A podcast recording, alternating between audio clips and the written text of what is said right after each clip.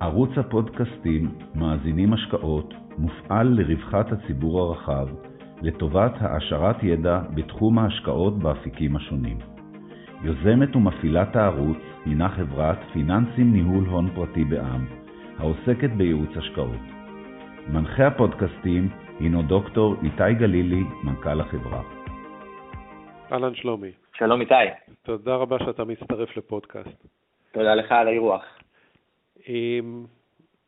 היום אנחנו הולכים לדבר על הבורסה בתל אביב, ואנחנו הולכים לדבר על המגמה ההולכת וגדלה של ההנפקות בבורסה, שיש הרבה שחוששים מהמחירים, חוששים מסוג החברות שנכנסות לבורסה, mm-hmm.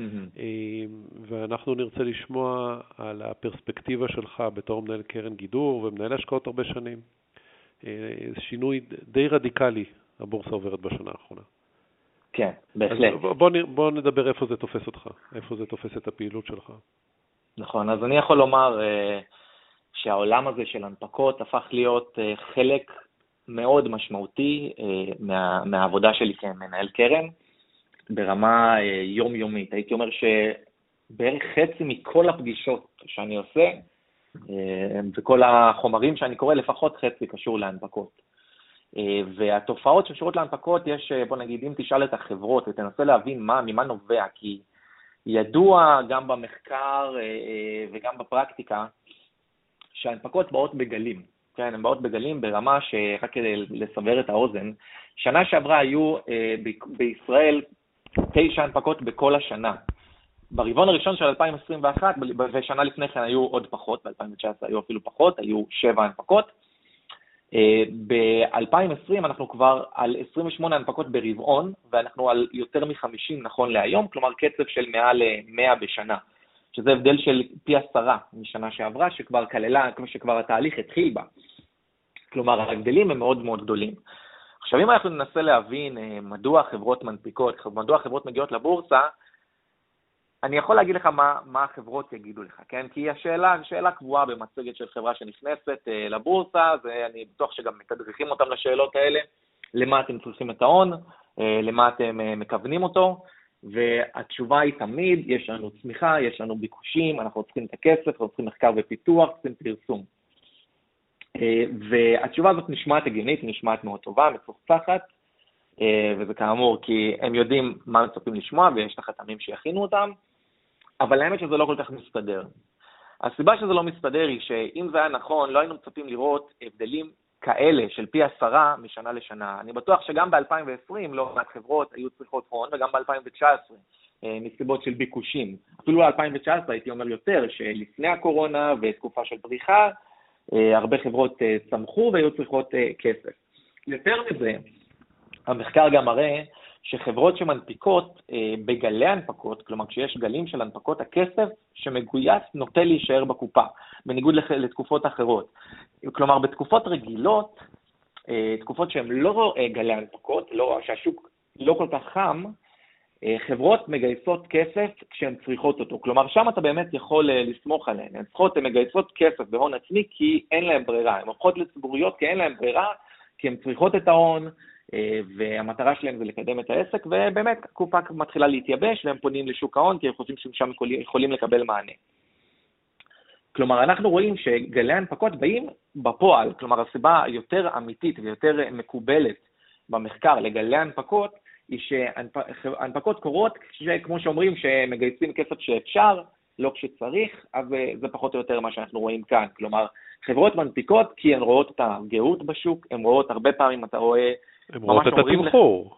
הן רואות את התמחור, הן רואות, יותר מזה, הן רואות, ממש, אני, אני מדבר על מקרים שאתה שומע, חברה, הם אומרים לך שם של חברה שהנפיקה לאחרונה, ואומרים, הם לא פחות טובים מאיתנו, ואם הם נסחרים בככה וככה, אז אנחנו שווים פחות כפול. ממש במשפטים האלה של, אה, אה לא יודע איך לקרוא לזה, קנאה, כן, אה, לא יודע, מה שרואים, אנחנו לא פחות טובים מהם, גאווה אפילו אפשר לומר, תלוי מאיזה נקודת מבט מסתכלים, וגם לנו מגיע להיות כך.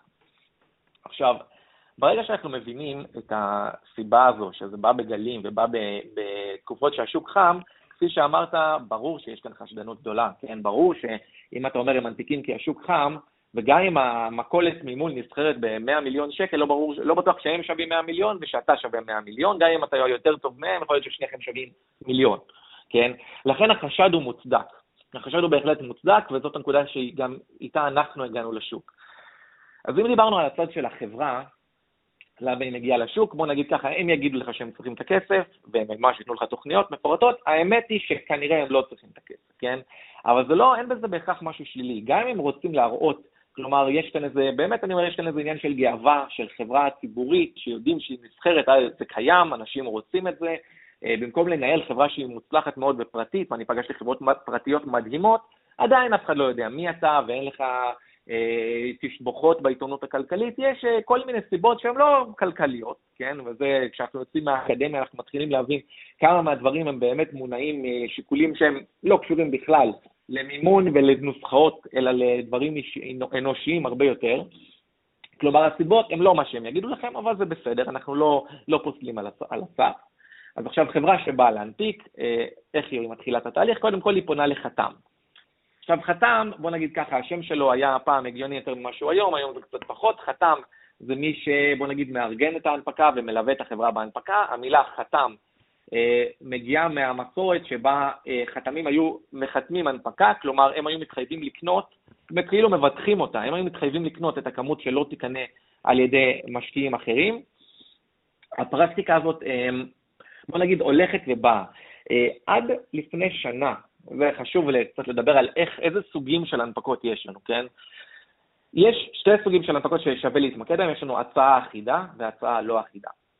אה, כל אחת מהן יש לה יתרונות ויש לה חסרונות, וחשוב להבין את זה, כי אני הסתכלתי קצת לקראת השיחה שלנו באמת על העיתונות הכלכלית, יש היום המון המון ביקורת על הצעות לא אחידות, אני יכול להראות לך שיש לי כתבה כאן מולי על, של כלכליסט, ממש לפני חצי שנה, שבה ביקרו בדיוק את השיטה השנייה, ואמרו שהשיטה הזאת של אה, אה, לא אחידה היא עדיפה, כן? ממש כתבו את זה. אולי נסביר ש... קודם כל למי שלא יודע מה, ברור, מה, ברור. מה זה אחידה. מה זה אחידה ומה זה לא אחידה. הצעה אחידה זה תהליך מאוד מאוד פשוט, שבו חברה מפרסמת תשקיף, ו... התשקיף זמין לכולם, נותנים תאריך שבו כל אדם עם חשבון בנק יכול להתקשר ולהזמין כמות מסוימת של יחידות. מה שקורה זה שנקבע, יש מכרז, המחיר הגבוה שבו יש מספיק אה, היצע, כלומר אם החברה מגייסת 30 מיליון שקלים והתקבל אה, ביקוש של מיליון שקל בשער אלף, אה, עוד מיליון בשער אלף מאה, בסופו של דבר יש לך מכרז הוגן שבו נקבע המחיר הכי נמוך שממלא את את כל ההיצע, ומה שקרה בפועל זה שיש לך למעשה חברה אחת שמתמודדת עם הרבה מאוד משקיעים קטנים, ויש כשל שהוא מאוד מאוד ידוע בתורת המשחקים ובכל העולם הזה של תמחור מכרזים, אני גם בתור מי שניהל לא מעט מכרזים כעורך דין יכול לומר לכם, מי שמנהל מכרזים, מי שזוכה במכרז הוא לא הכי חכם ולא הכי מוכשר, הוא בדרך כלל הבן אדם הכי אופטימי. הבן אדם הכי אופטימי הוא מי שנוטה לזכות במכרז, וזה אותו דבר כאן. כלומר, אם יש לך אה, הרבה אנשים שעושים הערכת שווי, ואתה אומר שהמחיר הגבוה זוכה, אז המחיר שייקבע במכרז הוא גבוה. הוא גבוה, וכנראה אני אגיד גם, תרשו לי לומר גם שהוא יהיה יותר גבוה כנראה מהשווי האמיתי, או יהיה, החברה תהיה צריכה להיות מאוד מאוד מוצלחת כדי להצליח להגיע למטרות שלה. עכשיו, אין לך מי שיעשה משא ומתן עם החברה. בהצעה אחידה, אין לך גם חיתום, כלומר החתם לא אכפת לו, זה יכול להיות שזה לא מעניין אותו כמה גבוה תהיה ההנפקה, זה לא משפיע עליו בשום אופן, כי הוא לא מחתם אותה, אין חיתום בהצעה אחידה. ולכן מה שאנחנו רואים זה, ש... ועל, ועל זה הייתה הביקורת, החברה נסחרת, אנשים מחליפים מניות אחד עם השני, אבל המחיר נוטה לרדת אחרי ההנפקה בשיעור של רוב מוחלט ההנפקות יורדות אחרי ההנפקה, ומוריד את התיאבון להנפקות חדשות, ובוא נגיד פוגע בכולם בטווח הארוך, ואף אחד לא מרוצה. זו אה, הצעה אחידה. השיטה השנייה היא הצעה לא אחידה, בה יש לנו דינמיקה קצת אחרת. הצעה לא אחידה אומרת שאתה מציע את ההנפקה, אה, מה שנקרא book building, כן, השם היותר מקובל ברחבי העולם. זה אומר שהחתם, לשם שינוי, כן מחתם, כלומר יש לו אינטרס שהמחיר לא יהיה גבוה מדי. בנוסף לזה, מי שמשתתף בהנפקה זה כמה גופים בדרך כלל גדולים, כן? בדרך כלל גופים גדולים, גופים מוסדיים, חייבים להיות גופים מוסדיים כדי להשתתף בהנפקה לא אחידה. גופים לא מוסדיים, גופים מוסדיים אגב, כמובן שאתם מכירים את אה, אלטשולר וכולי, וברור שאלה גופים מוסדיים, אבל לא רק. אה, גם הקרן שלנו נחשבת גוף מוסדי, כי היא פשוט מאוד, כי היא מנהלת מעל 50 מיליון שקלים, כן? זאת הגדרה, כלומר כל גוף יכול להיות גוף מוסדי. עכשיו, הדינמיקה בהנפקות לא אחידות היא אחרת לגמרי. מה שקורה, ועל זה אגב יש ביקורת, זה שאותם גופים לוקחים כמעט את כל ההנפקה, אגב, תנאי להנפקה אה, בבורסה היא שיש לפחות 35 מחזיקים, אה, אז בדרך כלל נעשה מה שנעשה, וזה אגב, יש, על, על זה יש את רוב הביקורת, מה שנקרא מכרז פירורים, אה, יש לך הנפקה נגיד של 10 מיליון שקלים, גופים גדולים, 4, 5 גופים גדולים לוקחים 9.9 מיליון שקלים, ו-100 אלף שקלים אה, מחולקים במכרז, וכאן, המטרה אגב של המכרז, וכאן יש טעות נפוצה, המטרה של המכרז היא לא להעלות את המחיר, למרות שהוא בהחלט מעלה את המחיר, אותה בעיה שדיברנו עליה במכרז קודם, נפוצ... היא, אותה, היא אותו דבר כאן, כן? כאילו יש לך, במחיר שבו, שבו ייקבע המכרז, כלומר המוסדיים, ההבדל הגדול בהצעה לא אחידה הוא שכאן יש לך, בהצעה לא אחידה יש לך את המוסדיים שעושים משא ומתן וגם את החתם שלא רוצה שהמחיר יהיה גבוה מדי, לכן המחיר נלחץ למטה וצריך להבין,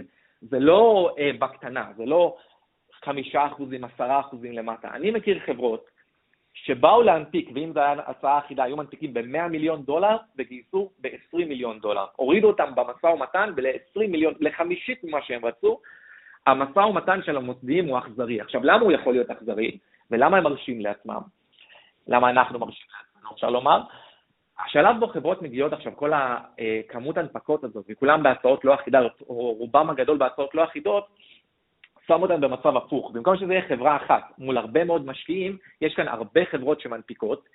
הן כבר רואות, הן בישורת האחרונה, כלומר, הן בשלב האחרון לפני שהן מתחילות להיסחר, הן רק צריכות לסגור את ההנפקה, אה, אבל יש המון חברות, והאטנשן של המוסדיים, אין הרבה מוסדיים, שזה, שזה טיפה מצב הפוך לגמרי, אין הרבה מוסדיים בעולמות האלה. כלומר, אם יש לך חברה שבאה לגייס עכשיו ב-100 או 200 מיליון שקל, זה קטן מדי לגדולים, והקטנים, שהם גם מעל 50 מיליון, וגם זה מעניין אותם, ההדפקות בגדלים האלה, הם לא הרבה. כלומר, אתה רואה את אותם גופים, אתה רואה את אותם גופים שוב אחרי שוב, שוב ושוב, כלומר, יש אפילו פחות משקיעים משיש השקעות. לכן החברות מגיעות למצב שבו אין להן כל כך ברירה, אלא להתפשר מאוד בשווי. אז מה קורה? נחזור לדוגמה של ההנפקה, יש לנו 9.9 מיליון שקלים שמחולקים בין המנפיקים, בין המוסדים הגדולים בדרך כלל, אה, ו-100 אלף שקלים יחולקו בין משקיעים פרטיים כדי שיהיה פיזור, לא משום סיבה אחרת, כדי שיהיה לפחות 35 אה, מחזיקים. כלומר, בעולם אחר, אם לא היה את המינימום של 35 מחזיקים, לא היה מכרז לציבור בכלל. עכשיו, מה קורה ביום אחרי ההנפקה? אותם אופטימיים שהיו משתתפים במכרז ומעלים את השווי, בואו ניתן את הדוגמה מקודם, מ-20 מיליון דולר ל-100 מיליון דולר, הם עדיין קיימים, פשוט הם בשוק, כן, הם נסחרים, נאלצים לקנות בשוק, והם קונים בשוק ביום לאחר ההנפקה. בדרך כלל, הגופים הגדולים או המוסדיים שנכנסו בהנפקה אה, לא מעוניינים למכור, כלומר, יש הרבה, שוב, אני אחזור, אני, אני חוזר לנקודה הזאת הרבה, אבל יש הרבה ביקורת על זה, ש, שזו מניפולציה ושהם כאילו אוגרים את הסחורה, אבל אין כאן לא חייבים לייחס כאן כוונה רעה, כי, כי הסיבה הפשוטה היא שהם מאמינים בחברה. בוא נחדד פה את הביקורת.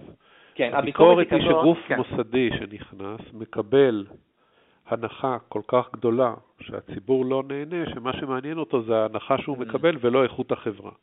בדיוק, אוקיי. כי הוא למעשה כן. יכול לרשות, לרשום לעצמו רווח מיידי בעת ההנפקה ולא להישאר, או כן להישאר, אבל בסופו של דבר הוא מייצר את התשואה רק ב... בזה שהתמחור הוא שונה. כן, כן. ולא מניהול מייצר... השקעות קלאסי, זה הביקורת. בדרך כלל ביום הראשון, ביום הראשון להנפקה כזו, שבה המוסדיים מחצו את השווי ככה, ובאמת הצליחו להביא עסקה, לא שהם תמיד מצליחים, אגב, לפעמים הם מורידים את השווי לחצי וזה עדיין ירד בהנפקה, כן? אבל אה, כשהם מצליחים באמת לקחת חברה ולשכנע את החברה שהם צריכים להנפיק בפחות ולתת לכולם להרוויח, זה בערך המשפט שאנחנו שומעים הרבה, הם מרוויחים ביום הראשון בדרך כלל אה, תשואות מאוד מאוד גבוהות, אפילו זה מגיע לתלת ספרתיות, כן, זה דברים מדהימים. אבל כאן אני, אני לא יודע אם אני מסכים עם הביקורת. אה, אני יכול להגיד אגב בכנות, כי אני עד עכשיו לא השתתפנו בשום הנפקה, אנחנו מאוד בררנים, אני חושב שנגיע לזה בהמשך, איך אנחנו מסתכלים על הנפקות כרגע. בסופו של דבר, אותם גופים מוסדיים הם אלה שהורידו את המחיר, הם מנהלים את המשא ומתן הזה הרבה מאוד זמן. אם הצליחו להביא את ההנפקה במחיר מסוים, יש הצדקה מסוימת לכך שהם גם ירוויחו מכך, אמ, ויכול להיות שגם אחרי העלייה הציבור מקבל מחיר יותר טוב ממה שהיה מקבל בהצעה אחידה, אבל יש לומר דבר אחד, הבעיה, בוא נגיד לא הכל ורוד, הבעיה באותן הנפקות, אה, שבהם 9.9 מיליון הולך למוסדיים ועוד אה, פירורים לקטנים, זה שבדרך כלל המוסדיים גם לא מוכרים, אחרי יש להם רווח על הנייר, זה לא כל כך רלוונטי להם, הם מוכרים או קונים, זה, זה מספיק טוב להם. בהרבה מאוד מקרים, ולכן אין מחזורים אחרי המכרז, לפעמים, לפעמים אין מחזורים בנייר, אין כל כך קניות ומכירות, ויש חברה, אתה יודע, יש חברות בשווי שעלו במאות אחוזים, מגיעים לשווי של מאות מיליוני שקלים, עם מחזורים של אלפי שקלים ועשרות אלפי שקלים. עכשיו, מבין השיטות האלה, אני, כל אחת יש לה את היתרונות ואת החסרונות שלה, יש את המרוויחים ואת המפסידים, אני לא בטוח מה עדיף. אמ, בוא נגיד ככה, אין אף אחת מהן שהיא ללא, חפה מבעיות, כן? הראשונה, השיטה הראשונה שהייתה מקובלת פעם, השוויונית יותר, החברה מרוויחה ממנה, תקבל שווי מאוד גבוה, וכנראה המשקיעים יפסידו בה. אה, והשיטה השנייה, המשקיעים יקבלו אותה במחיר יותר גבוה, המוסדיים ירוויחו, אה, החברה קצת תקבל שווי, פחות כסף לקופה ממה שהייתה מקבלת, המוסדיים ירוויחו, המשקיע הקטן לא בטוח ירוויח, כן. אז... אה, אוקיי, אז בוא כן. נגיד כן. שזה לגבי השיטה, אבל בוא נדבר לגבי המלאי. איך אתה. רואה את המלאי של הפגישות עם כל החברות שמגיעות לבורסה? יפה. האם אתה רואה אותן כחברות איכותיות, חברות בעלות פוטנציאל, או mm. אה, למעשה חשש שהחברות הטובות הולכות לחו"ל והשאריות באות לפה? יפה, כן. אה, אז אנחנו באמת פוגשים חברות כל יום, כל, ממש, אנחנו בממוצע של יותר מאחד ליום, היו יותר מ-50 הנפקות מתחילת השנה, אבל זה לא הכל. יש, יש חברות, יש יותר חברות שבתור מאשר חברות שכבר הנפיקו, אה, וגם הן עושות מצגות ו testing the water, כלומר, אנחנו ראינו הרבה מאוד חברות. הבשורה הטובה שאני יכול לומר זה שהחברות האלה הן חברות נוטות להיות מעניינות, באמת מעניינות, דברים שאתה שווה להכיר אותם רק כדי לדעת שהם קיימים, אפילו אם זה לנושא אחר. כלומר, אמ, יש עכשיו חברה שהונפקה כבר בהצלחה שאני חושב ש Quicklizard, שעושה תמחור באמצעות בינה מלאכותית. כן, שזה תמחור של מוצרים, מה שהיה מאוד מיושן, ואנשים יושבים ועושים כל מיני דוחות, אמ, זה הפך להיות אה, מכני לגמרי, וזה עובד בצורה נהדרת. יש, אה, אני חושב שכבר התחילו לפרסם את זה אפילו בטלוויזיה, אולטרסאונד נייד. אולטרסאונד שאתה מחבר אותו לטל, לטלפון, ואישה יכולה לבדוק את העובר שלה בזמן אמת. רובוטים שעושים ניתוחים, וממש פתרונות מדהימים ששווה להכיר אותם. כלומר, כמשקיעים אנחנו צריכים לדעת מה, מה קורה בעולם, כן? שלא במקרה נשקיע במשהו שהוא עוד שנייה דינוזאור. אה, וכדאי להכיר את הדברים האלה. לגבי התמחור, אני חייב לומר שבניגוד לארצות הברית... אולי לפני אני... התמחור, זה קודם כל זה כן. חברות שיש להן אה, מאזן פיננסי נורמלי, יש להן אה, רווחיות, יש להן מודל עסקי, או שאנחנו מדברים על פנטזיות? לא, חד משמעית, הן מאוד מאוד יודעות להציג את המודל שלהן. אה, המצגות אה, משופשפות, הם יודעים מה, מה מצופה מהם, אתה לא תראה חברות שיגידו לך, אנחנו נראה מה המודל בהמשך, הן ממש יודעות מה הן רוצות לעשות שנה אחרי שנה, ויודעות לענות לשאלות. המאזן שלהם בדרך כלל מצוין. יש אגב חברות, ניקח חברות מו"פ למשל, כן? שיש עליהן המון המון ביקורת. חברות מו"פ זה חברות שבהן הגיוס נעשה כדי להשקיע בחברות אחרות. חברות... מדבר על אה, השותפויות מו"פ. כן, שותפויות, כן, כן, שותפויות מו"פ. אה, וגם כאן, אתה יודע, זה נגיד אה, מבנה שיש עליו הרבה ביקורת, אבל גם כאן אי אפשר להגיד שיש איזה משהו שהוא מנופח. בסופו של דבר, הכסף עובר, יש אומנם שכר למנהלים, כן, שהוא מוצדק או לא מוצדק, כי הם מחפשים עסקאות, כן, אבל אין כאן איזה משהו שהוא מובנה שאני אומר שהוא יקר או לא הוגן. הם לוקחים את הכסף של המשקיעים, מנסים להביא איתו עסקאות בשוק הפרטי, שנטען שהן טובות יותר, לדעתי אלה החברות אבל הפחות טובות, וגם הם אתה לא יכול להגיד שיש כאן איזה משהו קיצוני. אנחנו רואים בארצות הברית חברות שלא ברור שהן ירוויחו אי פעם, בלי דרך ברורה בכלל לרווחיות, שנסחרות במיליארדים רבים. כאן אני יכול להגיד מבחינת התמחור, מעטות החברות שאני אומר לך שהן על הפנים. כלומר, לא, לא יהיו כמעט, מתוך נגיד, בוא ניקח מדגם של 50 חברות שפגשנו, מעטות שאני אגיד לך ש... לא הייתי משקיע בהם בשום מחיר, ש... זה לפעמים עניין ממש ממש קטן. רוב המקרים, עם טיפה התקדמות עסקית או טיפה שינוי במחיר, הייתי אומר שהחברה יכולה להיות מעניינת. אז, ואני לא מדבר על הבדלים גדולים, כלומר המחירים הם לא, לא בשמיים, וזה קשור אגב לעניין הזה של הלחץ מטה של המוסדיים. זה ממש מורידי, כאילו ממש באים לחברות, אתה יודע, אה, מחקר ופיתוח, חברות שבשלב מוקדם אומרים להם, טוב, בואו בוא נראה איך אנחנו נותנים לכם מכפיל ככה וככה, חברות שבדרך כלל לא מדברות על מכפיל בארצות הברית, אה, והם מורידים את השווי, את המחיר ההנפקה שלהם באופן אה, דרמטי.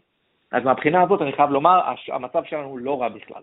אני חושב שעוד שנה יהיה הרבה מאוד חברות מעניינות מבין החברות שמנפיקות היום. יש דגש ל... לענפים, לסוג תעשייה בהנפקות שיש?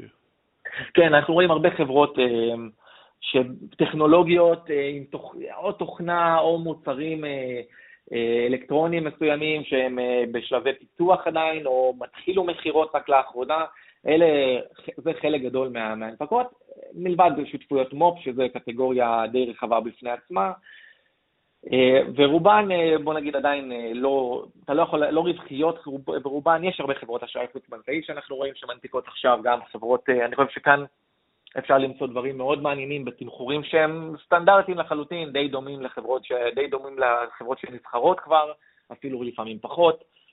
אז אנחנו רואים חברות שפשוט מגיעות לבורסה ומקבלות, נותנות לנו תוספת כמשקיעים להיצע שיש לנו לחברות להשקיע בהן, שזה פשוט נחמד. לפי, אה, בוא נגיד, לפי ההיגיון אה, שאתה מדבר עליו, המצב הוא שאנחנו מכירים את החברות, סביר להניח שבהתחלה יהיה להם תשואות חסר בגלל התמחור בשלב הראשוני, אה, ובטווח הארוך יכול להיות ששווה להשקיע באותן חברות ולאו דווקא בשלב ההנפקה. כן, אז מבחינת ההנפקות עצמן, צריך להגיד, העולם של ההנפקות הוא, לגמרי אחר, לגמרי אחר, כלומר, הוא נפרד לגמרי מהעולם של הבורסה. זה כמו שאתה רגיל למכור אה, ולקנות עגבניות בשוק, ופתאום השכן שלך התחיל אה, לגדל עגבניות בדירה לידך, והוא מוכר וקונה ממך במחירים אחרים לגמרי, בתנאים אחרים לגמרי, המשא ומתן איתו הוא אחר, כי אין לו קונים אחרים לצורך העניין, כלומר, זה עולם אחר לגמרי, אה, והמידע גם שיש לך הוא פחות, יש לך פחות מידע. אני רואה את זה כממש אה, שוק אחר ומקביל למה שיהיה, כאילו, כמי שמסתכל על השוק בישראל ועל על כל המניות שבו, זה כאילו שוק אחר לגמרי, זה כמעט כאילו נפתחה בורסה חדשה. זה לפני ההנפקה, כלומר, אתה צריך לתת מחיר לפני ההנפקה, אתה אומר, אני מוכן לשלם, האם המחיר הזה, עשרה מיליון שקלים לחברה הזאת, זה מחיר טוב או לא טוב, take it or leave it, אין לך מחר, מחרתיים, רק אחרי המסחר אתה תראה פחות או יותר מה יכולת לקבל או לא יכולת לקבל. אחרי ההנפקה יש חברות לדעתי רגילות לגמרי, כלומר, שבוע אחרי ההנפקה יהיו מקרים שיהיו עיוותים, כן, יהיו מקרים שבהם המחיר יהיה מוזר שבוע אחרי ההנפקה וייקח זמן עד שיבינו יבינו יותר לעומק את העסק, אבל ככלל יש את זה גם בחברות שנסחרות היום, כלומר זה לא בהכרח שונה. ביום הראשון של המסחר, בואו נלך על, לא, לא נגיד שהשוק יעיל, אבל נעריך, נעריך את השוק ברמה מסוימת, ביום הראשון של המסחר אתה כאילו סוגר את הפער מה, מהשכן שלך לבין השוק. כלומר, אתה, אתה לוקח את המוצר משוק אחד של מעט אנשים שחושבים בצורה מסוימת, ובוא נגיד, לא יותר מדי מאמינים בחלומות ומאוד חשדנים, לטוב ולרע, לעולם שבו אה, יש קבוצות שונות של משקיעים, חלקם אה, פנדמנטליסטים, חלקם משקיעי חלום, ונעשה ביניהם איזה חישוב כלשהו, שאף אחד לא יודע איך הוא נעשה, ונקבע המחיר בשוק.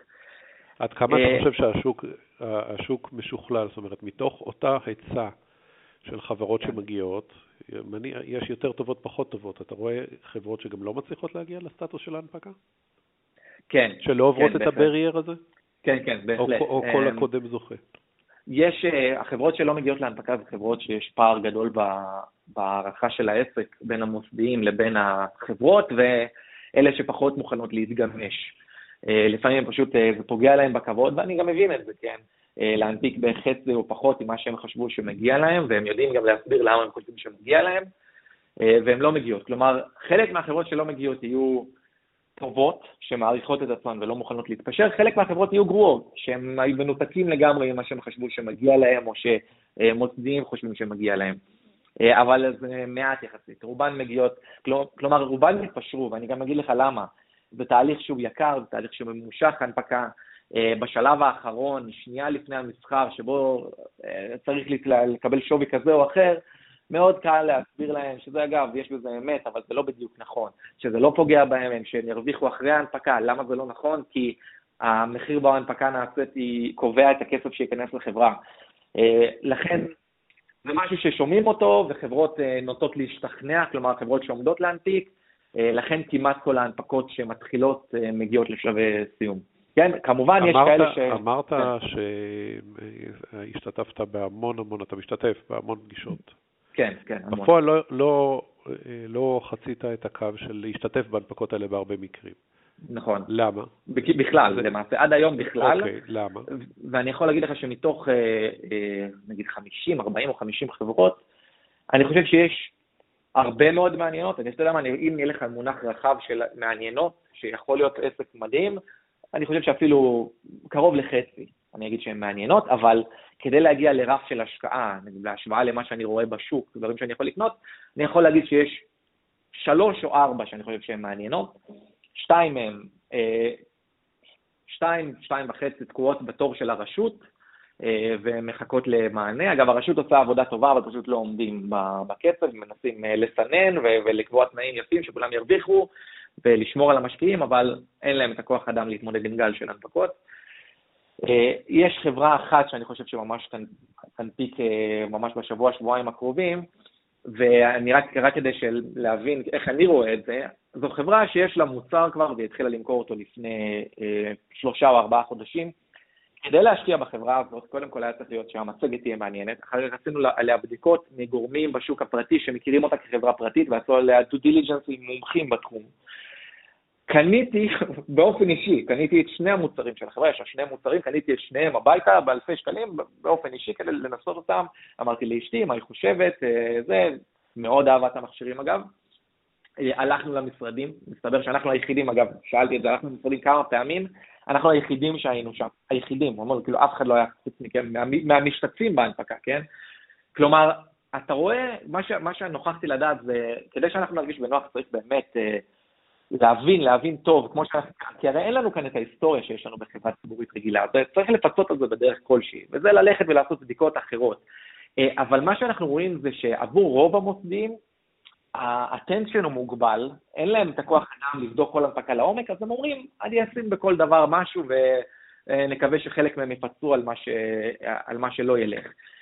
אנחנו כקרן מצומצמת, שעובדת בצורה ממוקדת יותר, אנחנו לא יכולים להרשות את זה לעצמנו. לכן, כדי להגיע לרמה שאפשר להשקיע בהנפקה, זה לא פשוט, זה לא פשוט, צריך באמת לדעת שאתה מכיר לאלה ולאלה ושאין לך כאן שום עז חבוי. עכשיו, דיברנו על השתי שיטות הנפקה קודם, על הצעה אחידה והצעה לא אחידה, אני חושב שהמשותף ביניהם, אחרי קצת, האמת, תוך כדי השיחה זה עולה לי, זה שהמשקיעים הקטנים לא יכולים לבנות על להרוויח כאן, או שאין להם כאן איזה דיל מיוחד.